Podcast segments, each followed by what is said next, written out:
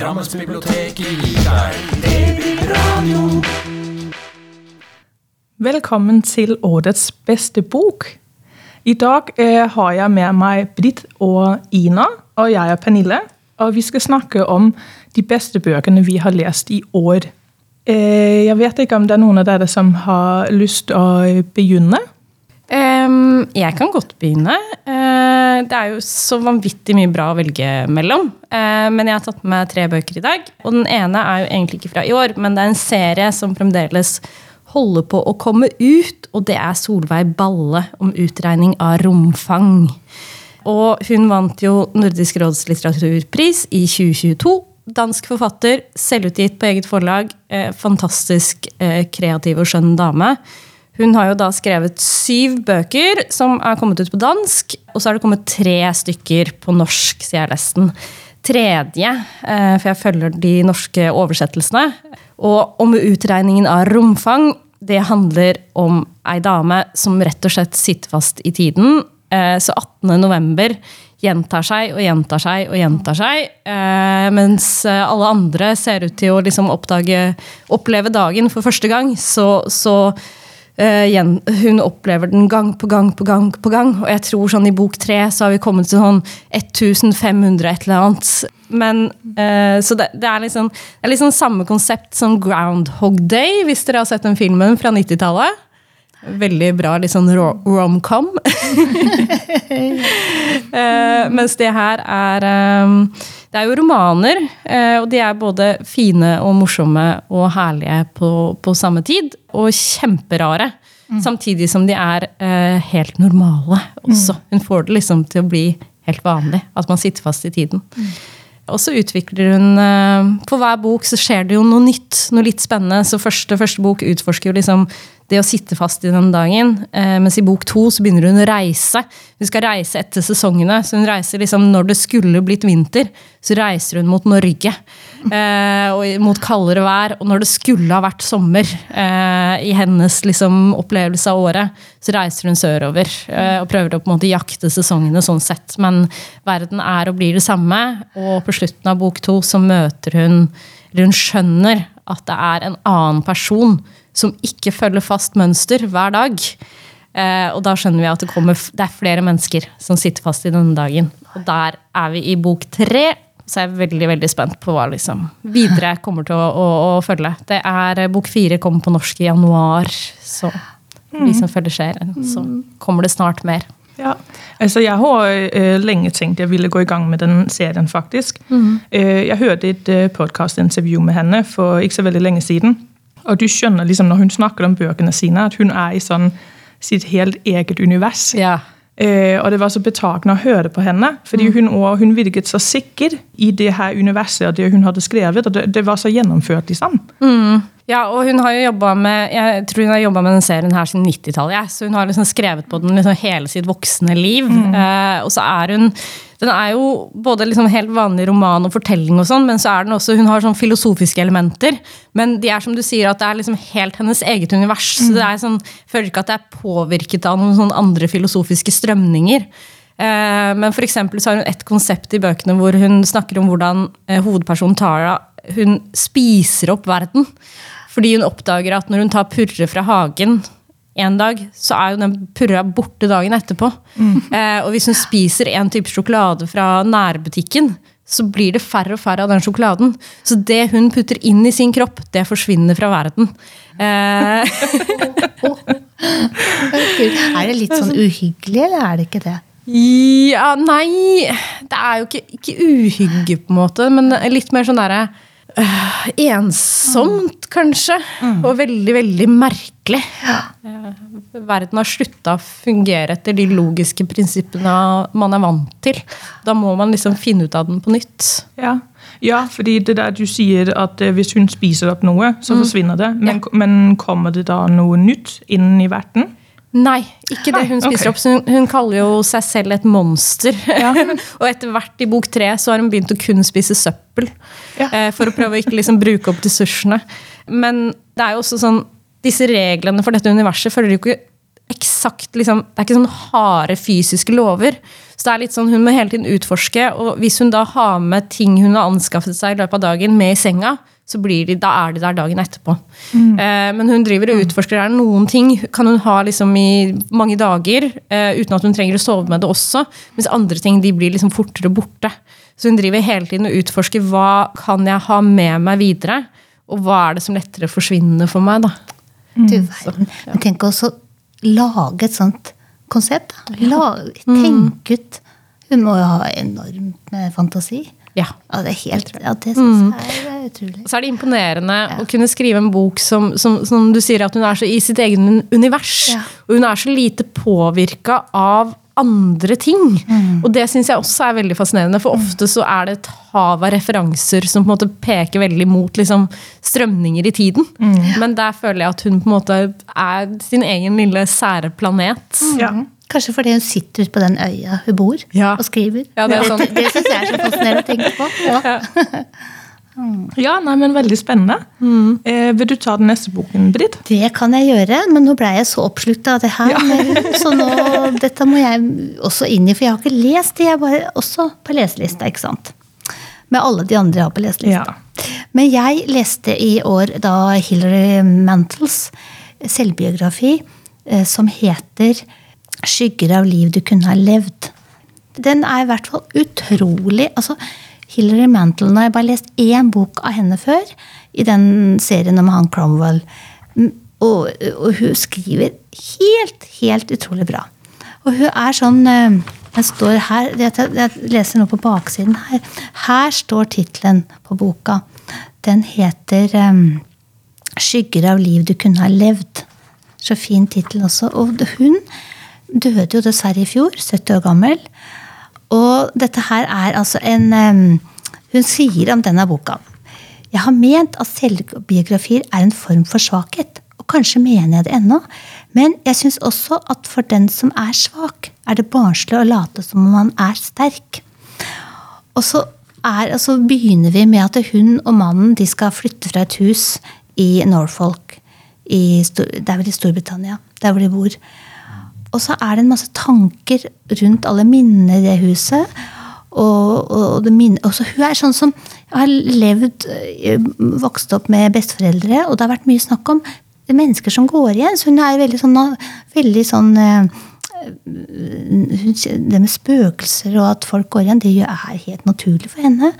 Så da går hun tilbake fra å tenke på alt dette her, går hun inn i barndommen, og så får vi da barndommen hennes i den der lille landsbyen i Glossop på 50-tallet. Og hvor, hvor annerledes hun var. Altså Hun var sånn opptatt av da spøkelser, overnaturlige ting, riddere ridder, Hun leste ridderdikt, hun kastet seg opp av hesten for å kjempe mot eh, urettferdighet. Hun var veldig inne i sitt. Og når hun begynner på skolen, så mistrives er jo forferdelig. For der er det jo helt Det er jo så kjedelig. Det er så kjedelig. Det er så smått og grått og kjedelig. Og hun vil gjerne dekorere alt med vakre ord. Liksom, gjøre det sånn litt dramatisk og finne på ting og fantasere. Men det går ikke på skolen, så hun trives ikke der. Og hun elsker å lese. Hun er som en vampyr etter blod, sier hun. Etter å lese. Så altså, Måten hun skriver om alt dette på, det gjør altså at det, jeg har aldri jeg tror får sånn ordrikdom og sånn nydelige beskrivelser av alt mulig. Og så er det den der helt vanvittige historien om sykdommen hennes. For hun er jo mye, mye syk, og de finner jo ikke ut hva det er. ikke sant? Og, og så, ja, det er psykisk, ikke sant? Den greia der at det er psykisk, så får hun piller eh, som psykofarmaka, og på den tida så var de mye, mye verre enn det er i dag. Og hvordan hun blir ødelagt av de, og prøver, og prøver inni dette her å si ja, men det er jeg er ikke, altså jeg er fysisk syk, det er pillene som gjør meg sånn. Hun blir helt gal av det, ikke sant? Nei, nei, dette går bra. Ta en pille til. Du, liksom, det er helt her. Det er så sjokkerende å lese om at uh, Og så inni dette her så klarer hun å få en humor. Hun klarer liksom å også se noe humoristisk i det. Og så finner de ut at du har den endometro... Jeg klarer ikke å si det engang. Endometriose. Ja, takk skal du ha. Endometriose. Etter mange år, og det er vel hun sjøl som kommer til å nevne til legen at det kan, kanskje det er det. Ja. Men det, det er en del av denne historien hennes, men en ganske stor del. da. Men eh, jeg ble så fascinert av det hun forteller om, og livet hennes, og all den fantasien som den mennesket hadde, altså. Og klarte å formidle. Ja. Nå, ja, nå merker jeg jeg ble veldig rørt av det du fortalte. Eh, og egentlig det fikk meg til å tenke på to ting. Eh, det der som du sa med da hun var barn, at hun hadde veldig store fantasi, og så kommer hun på skolen, og så kjeder hun seg. Da kom jeg til å tenke på et, eh, en av mine favorittdikt av Tove Ditlevsen, som heter 'Barn'. Hvor hun nettopp skriver om det her med at alle de barn som liksom ikke passer inn i skjemaet, at de prøver de voksne å temme. At hun sånn sammenligner det med blomster, trær, planter. Og hun sier sånn eh, ja, nå, nå snakker jeg dansk. Ja. Jeg hater voksne menneskers hekkeklippesaks. ja. Øh, at hun, de, liksom, de prøver å, å, å klippe til barna. Og så sier hun på slutten at det er på sjeldne busker at de vakreste blomstene gror. Å, det det er det, ja. fantastisk sagt. Ja, nettopp. Og litt sånn knyttet til det at du da vokser opp og føler at det er noe feil med deg, og så får du masse piller, og, og på en måte temmer det talentet. Mm. Jeg leser på et tidspunkt en selvbiografi om en australsk forfatter. Nå husker jeg ikke hva hun heter, men det er laget film om henne òg, som heter 'An Angel at the Ja, Table'. Eh, eller noe sånt. Eh, og det er jo samme. Hun var jo en vanvittig fantastisk dikter, og var jo et sånt barn som diktet masse fortellinger. Eh, og hun var jo innlagt største deler av livet sitt. Ble rett og slett sperret inne sammen med ja, det man da kalte åndssvake. Og det er så fryktelig å tenke på. Ja. Det er så mange sånne overgrep Mm. som har skjedd, og også skjer. Så, så å lese om det sånn det, og, og for at hun er jo da, var jo da et utrolig følsomt menneske som tok alt inn. ikke sant? Men når hun kunne bruke det til å skrive, og få det ut og snakke om det uten å skulle ta seg sammen eller ta noen bilder, eller noe, så funka det jo. Ja. Så er det som Ja, er så bra. Og de der eh, Cromwell-bøkene hennes er jo liksom litt genierklærte. Eh, og hun er jo, har jo en vanvittig liksom bredde og kunnskapsdybde. Eh, og det, er liksom, det får meg til å tenke på eh, forskjellen på menn og kvinner. Da. For det er kanskje særlig kvinner som har hatt psykiske lidelser. Eh, eller andre typer smerte eller andre måter å uttrykke følelser på, blir jo ofte stempla nettopp som sånn åndssvake eller syke. altså sånn, De får på en måte ikke den erklæringen om det kunstneriske geniet på, mange, på samme måte som noen menn kan gjøre i samme, samme situasjon. Da, er det samme på en måte åndelig ja. Ja. Det er I hvert fall historisk. Ja, det mer Ja, hysteriske. det er- Ja, nettopp. Ja, Nei, men det var veldig bra. Da eh, tror jeg at eh, jeg tar eh, en bok. Eller jeg har egentlig bare med én, eh, men den er også veldig, veldig bra. Så den teller for tre. Ja. Den boken jeg har tatt med, er eh, 'Sommeren med Balder', som er skrevet av Øyvind Berg. Jeg vet at du, Britt, hadde noe med på Litteratur til lunsj for noen måneder siden. Eh, og da du fortalte om den, da måtte jeg bare sette den på listen min. Og jeg angrer ikke på at jeg leste den. Den er så fin. Eh, 'Sommeren med Balder' er en blanding av prosatekster, dikt og dagboksnotater. Det er som tittelen sier, strekker seg over en sommer. Altså sommeren med Baldir, som er hunden til fortelleren eller forfatteren selv. Det er veldig selvbiografisk, det her. Eh, Balder er en veldig sånn livlig eh, ung hund, eh, som eh, er litt en oppgave for fortelleren og kona hans, Dina. En litt sånn strevsom type, kan man si. Eh, men så blir Balder syk, og man skjønner fort hvordan det her skal gå. Men, men man skjønner samtidig hvor mye kjærlighet de har til den hunden her, tross alt det strevet. Og i løpet av denne sommeren med Balder så utvikler også krigen i Ukraina seg. Og for kona Dina så er det her ekstra sårt, fordi hun er fra Serbia, og hun husker godt da hun og familien hennes var på flukt under den siste krigen i Balkan. Og den gangen så var ikke mediene like opptatt av eh, frelse og av å informere om hva som faktisk skjedde. Og nå skjer det seg igjen. Så ved å inndra sånn ulike forfattere, filosofer og vitenskapsmenn eh, fra langt tilbake i tid, samt egyptiske myter, så gir forfatteren denne nåtidssituasjonen en historisk bakgrunn. Og det gir en veldig sånn forfriskende forklaring på hvorfor at det er så viktig at vi ser bakover i historien. Og ofte så gjør han det faktisk på en veldig humoristisk måte. Eksempel så, så trekker han fram hvordan vi historisk har forholdt oss til døden.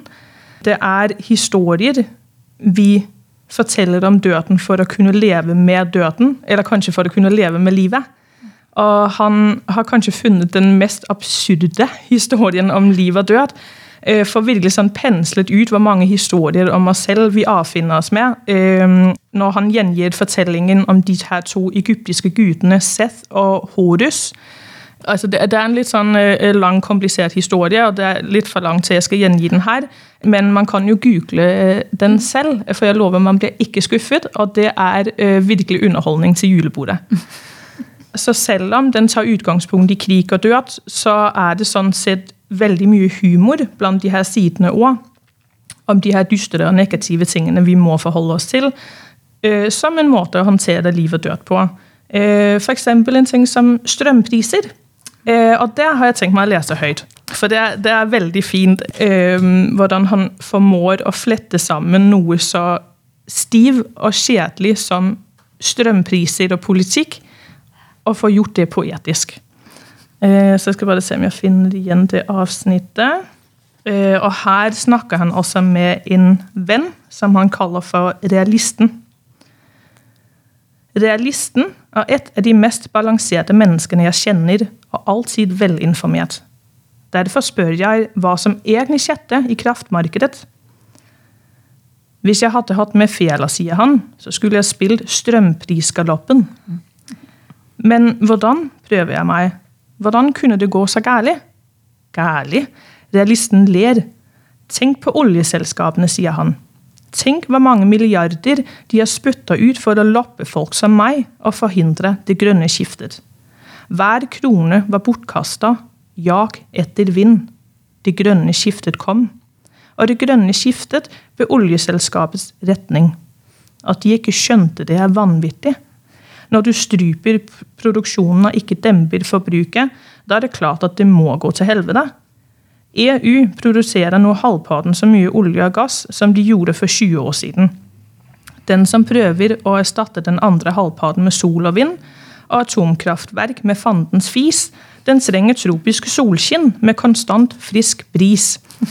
Teknologi ingen har, en overføringskapasitet vi bare kan drømme om i halvsøvne, pluss, som sagt, fandens medvindsfis. Og så kom Ukraina på toppen. Nå kryper Tysklands grønne for oljebransjen og tikker om mer gass. Eat your own shit, man. Jeg syns det er så fantastisk.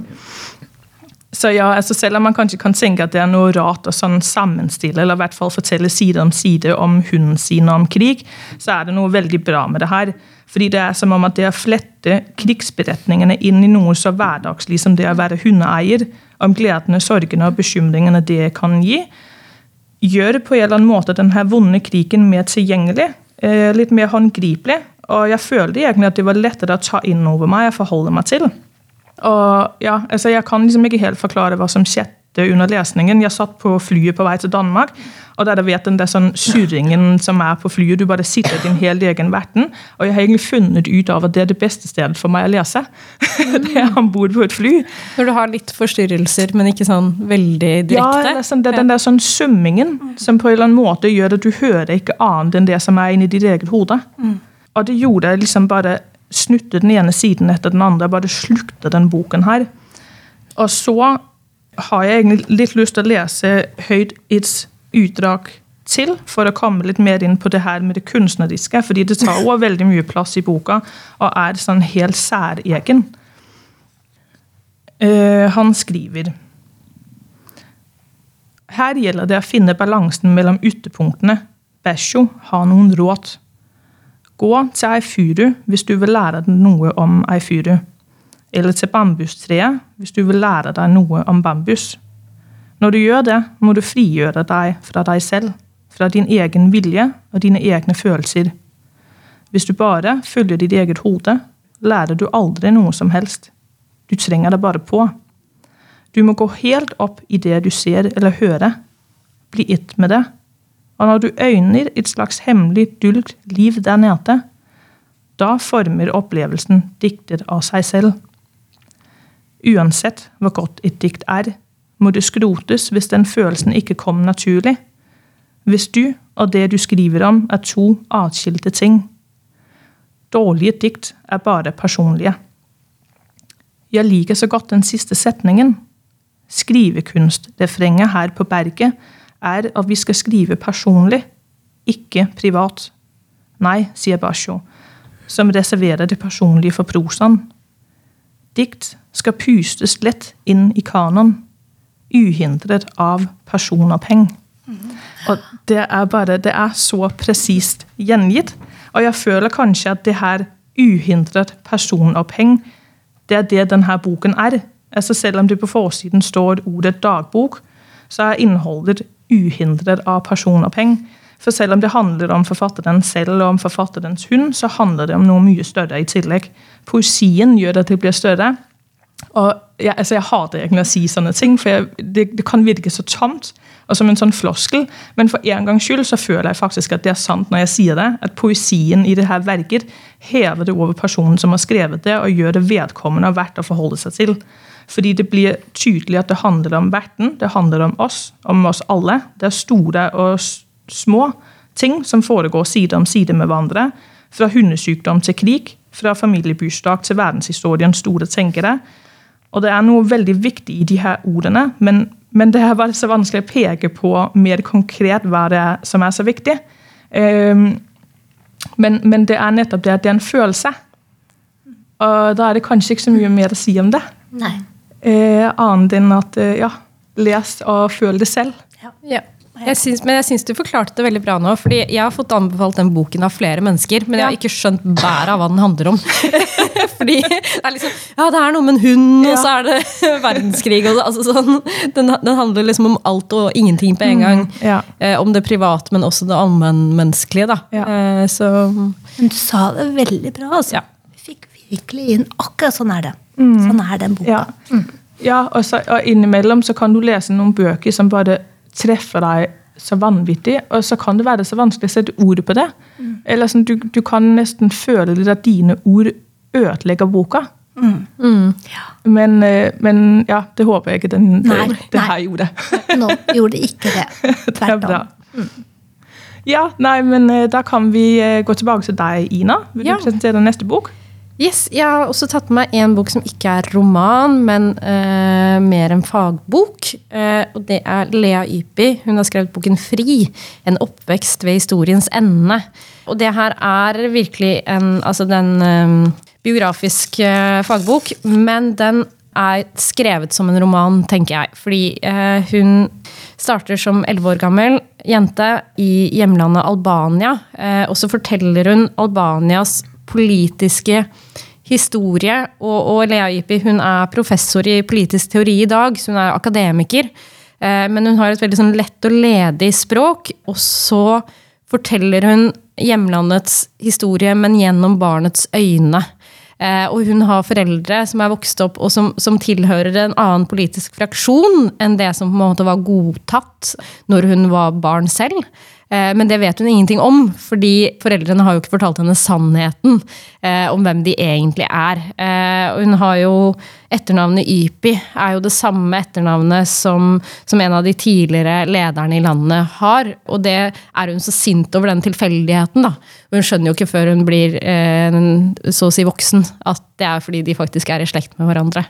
Men det er en vanvittig hard bok, eh, men utrolig sånn barnlig skrevet.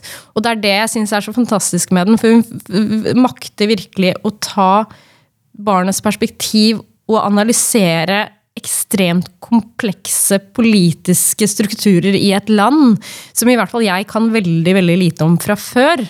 og samtidig som, selv om det her handler om Albania, så, så er det noe sånn allmenngyldig i det. For det handler jo om liksom den, den overgangen fra ulike politiske system, altså fra øh, øh, sosialisme eller liksom gamle kommunismen, og, og inn i øh, et fritt marked hvor du på en måte ikke har infrastrukturen til at det kan gå så veldig bra, og det er korrupsjon og kaos og familievenner og familiefiender, og det er liksom hele tiden posisjonering. Eh, og skrevet, og fordi hun skriver det gjennom barnets øyne, så gjør det også at sånne kompliserte ting som det er veldig, veldig vanskelig å forstå, skriver hun da med et språk som gjør det hakket mer forståelig enn det jeg har vært borti før. da. For det er jo liksom en av de gamle kommunistlandene, og, og det er jo mye i den historien og, og forståelsen av hva de som har levd i f.eks. post-Sovjet, har opplevd, som jeg har lest om. Eh, men det her er den beste måte, fremstillingen av hvordan eh, man kan forstå det som et individ og barn da, som vokser opp i, i de endringene som, som har skjedd. da. Eh, og hun, fordi hun har den der bakgrunnen i politisk teori, så er hun jo sinnssykt smart. Så, er jo, så hun, hun er på en måte vanvittig intellektuell, samtidig som hun forteller det i en historie, et språk man virkelig liksom føler i hjertet. da. Det er godt gjort å klare Ja. å formidle sånn kunnskap på en sånn måte at, alle, at det treffer alle i hjertet. Da. Ja. Jeg syns det er veldig viktig Ja. eh, at vi har eh, de fortellingene. Noen som formår å formidle dem på en måte så ja, folk flest skjønner det. Ja. Ja. Og, jeg, og jeg tror ikke jeg kunne lest en fagbok om Albanias historie eh, og greid å sitte igjen med, med kunnskap. Nei. Men det at hun forteller den historien på den måten, da, eh, gjør jo at det blir eh, noe håndterbart eh, og spennende, ikke minst. Veldig bra. Vil du ta neste bok, Britt?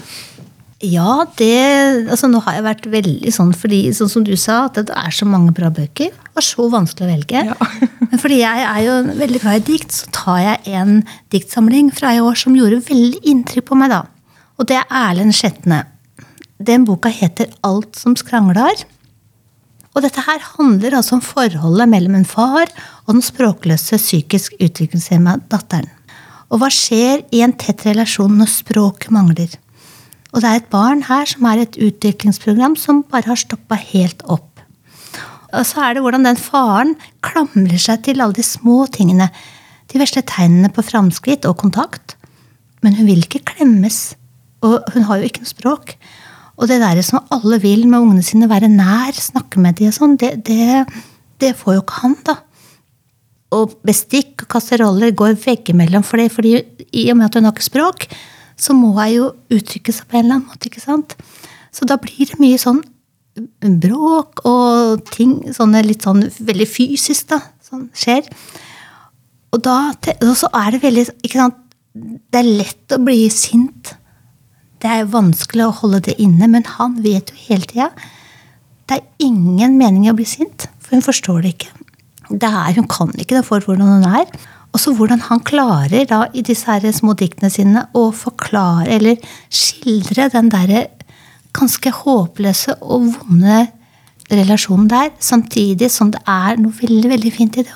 Han finner jo fram de der små, gode tinga. Og jeg ble altså så rørt og så imponert. For det er trist og fint på en gang. Og livet som ikke blir sånn som man tror, da. Og at ehm, Og det er viktig det at, at når man skjønner at det blir ikke sånn som man tror, så må man prøve å gli inn i det andre som det blir. Og, og se det andre. Det som ikke var det man trodde det skulle bli.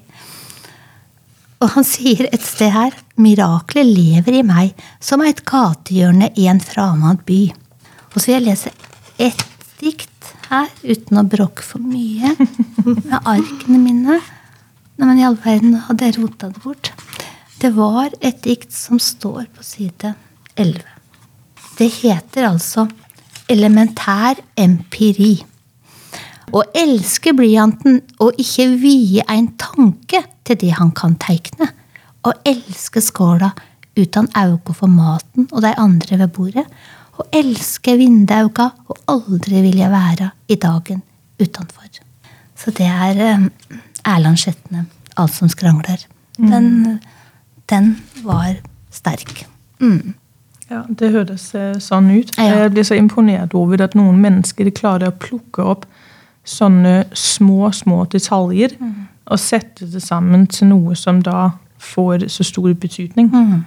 Det er akkurat det. Og det er det han klarer. Og dette her er jo veldig, veldig sånn som Olaug Nilsens bok som kom for noen år siden, som jeg tung, nei, hva var den het? Tungtidstale. Tungtidstale. Takk. Og det er jo det samme hun skriver om, men hun bruker mange mange flere ord på det. Og den også gjorde voldsomt inntrykk på meg. Men denne her, der klarer den da, som du sier, altså med få ord. Og du går rett inn i situasjonen og skjønner den der såre, vonde, men samtidig den der ønsket om å få ja, finne de, alle de små gode tinga som tross alt er inni det òg, da. Ja. Ja. Så bra. Jeg, jeg tenkte også på hun Olaug. Jeg er veldig, veldig glad i henne. Ja. Eh, men det er jo virkelig liksom den type fortellinger da, som, som eh, Det er noe helt annet enn hva mitt liv er til vanlig. Og det er så viktig, for det er på en måte en kunnskap i det også. Så er det noe med Gjennom et sånt litterært språk så kan du snakke om både de positive og de negative tingene. Da. Hun har jo tungtidstale, så forteller hun om sin, sin egen sønn og på en måte opplevelsene med å, å vokse opp med et såpass uh, utviklingshemma barn. Da. Eh, og det er jo som, som singel 30-åring så er det noe jeg virkelig ikke kan relatere til eller ha kunnskaper nok om. Og jeg tror det er så utrolig viktig at vi har de fortellingene som, som gir meg da kunnskaper om noe jeg ikke ellers liksom plukker opp nødvendigvis. Eh, og så har hun skrevet fortsatt med samme tematikken, men med fiksjonelt. da. Eh, men med relasjoner og hvordan Og det, det er så viktig. Og så er Ja. Ja, men det er, ja, det er så sant. Fordi vi kan jo ikke leve alle andres liv. Men det å også prøve å forstå hverandre, og, og det gjør man jo gjennom at folk skriver om det. Veldig ofte så får folk fram historier som ingen andre veit om. Og da kanskje det er litt mer sånn at vi kan forstå hverandre og hvordan vi har det og lever med det. Og, ja, det, er, det er veldig viktig å skrive. Ja, nettopp. Det er jo en måte å liksom utvide sitt eget verdensbilde på. Altså Både det å lese, men kanskje òg eh, å kunne skrive seg fram til noen andre perspektiver. Eh, altså Én ting er jo å ta utgangspunkt i seg selv, men jeg tror det er veldig sunt det der når forfattere prøver å ta utgangspunkt i andre. For på den måten å, eh, å utvide, ja, som jeg sa, sitt verdensbilde, men òg sin egen ja, empati på en eller annen måte. Jeg, jeg tror det er kjempeviktig at man, man holder på den der at det, det, er lov å skrive og forestille seg noe helt annet enn det man har erfart selv. Da. ja, ja, At, uh, Ja. Det er en kjempeviktig verdi, eh, for det er en øvelse for alle. Absolutt. Eh, Ja. ja. Vil du ta den eh, siste boken du har med, Ina? Ja, jeg har med en, en siste bok. Eh, og det er litt mer eh, fest, fest og moro. Vi- Nå- vi kan- vi skifter vi av- spor. Ja. Det, jeg har rett og slett lest Einar Stenseng eh, ute. Det er eh, roman nummer to eh, som han har kommet med. og Det er en slags serie, men det er jo ikke samme karakter eller sted. eller sånt noe. Eh, men han har også gitt ut en riktig stygg bok, eh, som er fra Norge. Men, men de går litt på den samme tematikken, og han er virkelig noe helt annet enn liksom de andre middelklasseromanene jeg har lest i, i Norge i det siste. Eh, han han eh, har, eh, jobber seg kanskje liksom inn i tradisjonen etter Charles Bukowski og Ingvar Ambjørnsen. og liksom, Her er det, det er fest, og det er røft, og det er misbruk. Men så har han en sånn eh, språkdrakt som er sånn pompøs og intellektuell, om bare et hav av sånne referanser som jeg bare kjenner igjen fra liksom de mest nerdete litteraturvitenskapvennene mine. Da. Eh, så det er både stygt og skittent, samtidig som det er uberintellektuelt. Ja. Eh, og, og ute, det er jo kvinnelig hovedkarakter, og det er også veldig deilig, fordi hun har et barn. Eh, så hun har barnet liksom annenhver helg eller noe sånt. Eh, men når hun da ikke har barnet, så er det bare fest og party og amfetamin og, og hele pakka. Eh, og hun er virkelig en sånn type kvinnelig karakter som du ofte har fått eh, mannlig romantiserte versjoner av tidligere, da. Så, så det, er, det, er, veldig kult. Og så er det en annen eh, eh, kjempekul ting med den boka. For den er jo liksom, selv om det er sex og puling og moro, så, så er den jo også veldig smart skrevet. Eh, og den har en sånn kapittelinndeling eh, hvor du starter med Første kapittel det er eh, andre dag, og så kommer tredje dag, sjette dag, syvende dag. Og så begynner du på fjerde dag, femte dag og første dag. Helt til slutt. Eh, og det funker jo overraskende bra. Så det er liksom en hel uke da, som vi får fra hennes perspektiv og hennes fortelling. Men etter hvert som du liksom hopper litt frem og tilbake i tiden, så får du også en ny versjon da, av fortellingen hver gang du får liksom fylt på noen hull og liksom, ja, skjønner litt mer. Og, og, det er en veldig kort roman. Eh, jeg har blitt litt glad i de der kort, kortromanene. Mm. Så den her leste jeg ut uh, Jeg var fyllesyk i Oslo en dag, så, så lå, jeg, lå, jeg, på et gulv og leste hele romanen. Oh, det fantastisk. Det var veldig deilig. Jeg tenkte jeg kunne lese liksom bare første avsnitt av boken, for det mm. gir et uh, innblikk i, i, hvordan den er skrevet. Uh, og, og, hovedkarakteren da, heter Ute. Bare, det er fantastisk navn på en hovedkarakter. Ja. Uh, det passer virkelig. Dette er da første kapittel, andre dag. Dienstag. Det er, foregår i Sveits. Ute våkner og føler seg pult. En behagelig, men sår følelse i fitte og hjerte. Mogens har gått i løpet av natten skjærs morgenen. Hun har fremdeles den emne smaken av pikken hans i munnen. Hun har sans for å suge pikk, bevares, men ettersmaken er mindre god. Kuksvetten, eller hva det nå er, den, den setter seg fast i gommene. Hun reiser seg og går mot kjøkkenet etter et glass vann. God jul! God jul! ja, men, altså, jeg leste også selv den boken for et par måneder siden, og jeg mm. elsker den. Ja. Det var så befriende mm. og forløsende å lese den boken. For jeg kan liksom føle at norsk litteratur ofte er veldig polert. Ja. Eh, hvor vi i Danmark kanskje har en litt større tendens til å kalle en spade for en spade. Og jeg kan føle meg litt sånn innestengt innimellom. At jeg mm. sånn må regulere meg selv. Så innimellom så er det veldig veldig deilig å lese bøker sånn som det der. Da er det litt som om jeg får sånn øyeblikk så Tourettes og bare Fitte, fitte, fitte! Ja. oh, det var deilig å si høyt på en podkast. Ja. ja. ja, er, det, er det sånn at liksom ja, for I Sverige så syns jeg det er enda men, uh, verre. At de er mm. liksom mer polert enn oss. Og så kommer nordmennene etter. Og så er danskene de er liksom bare Der kan man si hva som helst. Yes, og, ingen hemninger. Nei. Mm. ja, nei, men Veldig bra du tok med den boken. Ja. ja. Anbefaler den til alle. Ja. Vil du ta den siste, Britt? Oi! Er det tid til en til? Ja. Da, altså da, dere, da skal, jeg bare, da skal jeg ikke si veldig mye, for det kunne jeg sagt. Men det skal jeg ikke gjøre. Fordi jeg har akkurat lest ut Silje Bek Bekeng Flemmen inn i vårt mørke hus.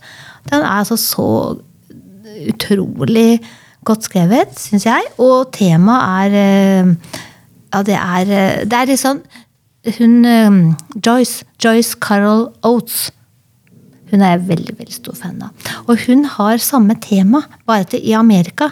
Temaet er jo det derre hvordan du lager deg Det er et sånt et sted, en liten bydel, da, som er Der er alt på stell. Og det er vellykka, da. Vi kan kalle det vellykka bydel. Men så er det skolegrensene det begynner å bli diskusjoner rundt skolegrensene der. ikke sant? Fordi det, skolen blir jo full. Hva gjør man da Men de utenfor? Det er de og dem ikke sant, hele veien. De utenfor de kommer jo inn der da, hvis man rendrer på skolegrensene for at man skal ha mulighet til å sjonglere litt da, med hvor ungene, for, de, for å få plass til alle.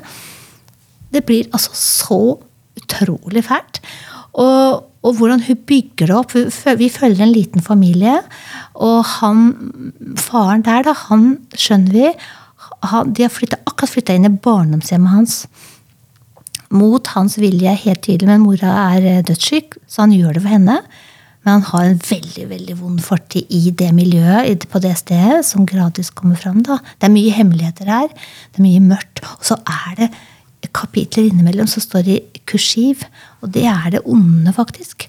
Som har klør og pels, og som kommer og liksom med noen besvergelser om hva som skjer i dette her samfunnet. Eh, og så er det da teksten til Lucia-sangen 'Inn i vårt mørke hus'. Det er, eh, det er altså et av versene hvor kapitteloverskriftene er liksom en setning fra, de, fra den sangen. da.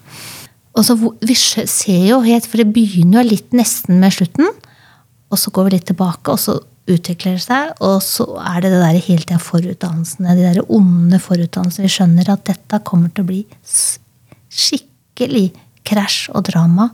Med alle de for, fortielsene, uærlighetene, kompromissene. Alle de som De vil beskytte seg selv inni dette her vellykka samfunnet. Og de har en sånn helt, helt spesiell holdning til de som er der ute på den andre siden. Altså går det helt Det må jeg jo si. Jeg spoiler jo alt. Men eh, det går ikke veldig bra. Nei.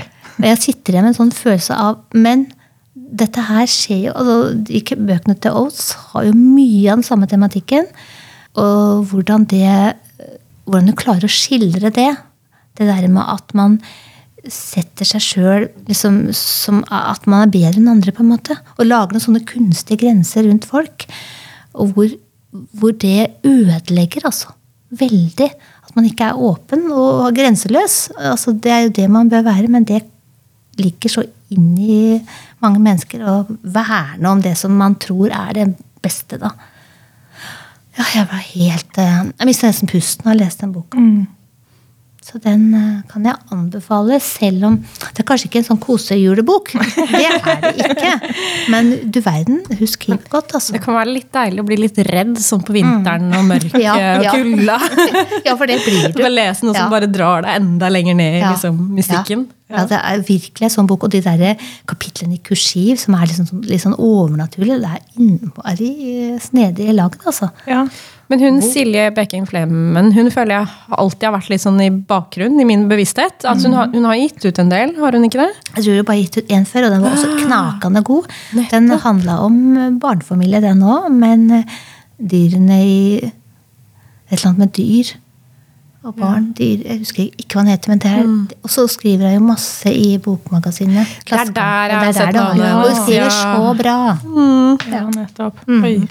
Ja, ja, for jeg tror jeg hadde forestilt meg at den boken var noe helt, helt annet. Jeg så den var nominert til lytternes eh, litteraturpris. Ja. Og da, da jeg bare så forsidebildet, så tenkte jeg at det der orker jeg ikke. Nei. Eh, Jeg så for meg en sånn eh, selvbiografisk eh, barne... Eller oppvekstfortelling. Eh, og, altså, fordi ja, inn i vårt mørke hus, da var det tenkte jeg, uff, nei. Ja, nei. Eh, men nå fikk jeg skikkelig lyst til å lese Ja. Hun har fått med så mye inn i dette her som du virkelig blir eh, si, opprørt og sjokkert og ja. Ja, men takk for den.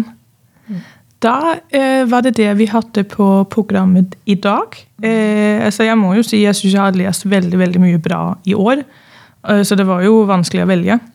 Og, eh, men ja, vi har jo, og du og jeg, Britt, har jo hatt eh, litteratur til lunsj i løpet av året. Noen av de har blitt satt opp og lagt ut som podkast. Så da kan man finne enda flere anbefalinger av gode bøker. Ehm, og da tror jeg egentlig òg jeg vil benytte sjansen til å takke dere som lytter med, og dere som kommer i biblioteket, kommer på arrangementene våre. Det er eh, veldig deilig å se at eh, det er så mange som støtter opp om arrangementene våre. Det gjør at vi får lyst til å fortsette å holde på med, med sånne ting som det her. Og så vil jeg også si tusen takk til dere, fordi at dere også er med til å inspirere eh, meg til å lese nye ting. Eh, og at man kan sitte her og, og prate sammen og spare med hverandre som kollegaer og bli inspirert. ja. Det er bra. Og så skal jeg òg huske å si at redaktøren på den podkasten her er biblioteksjef Jørgen Hovde. Da sier jeg takk for oss, og riktig god jul og godt nyttår. Håper å se mange av dere som lytter i biblioteket i det nye året.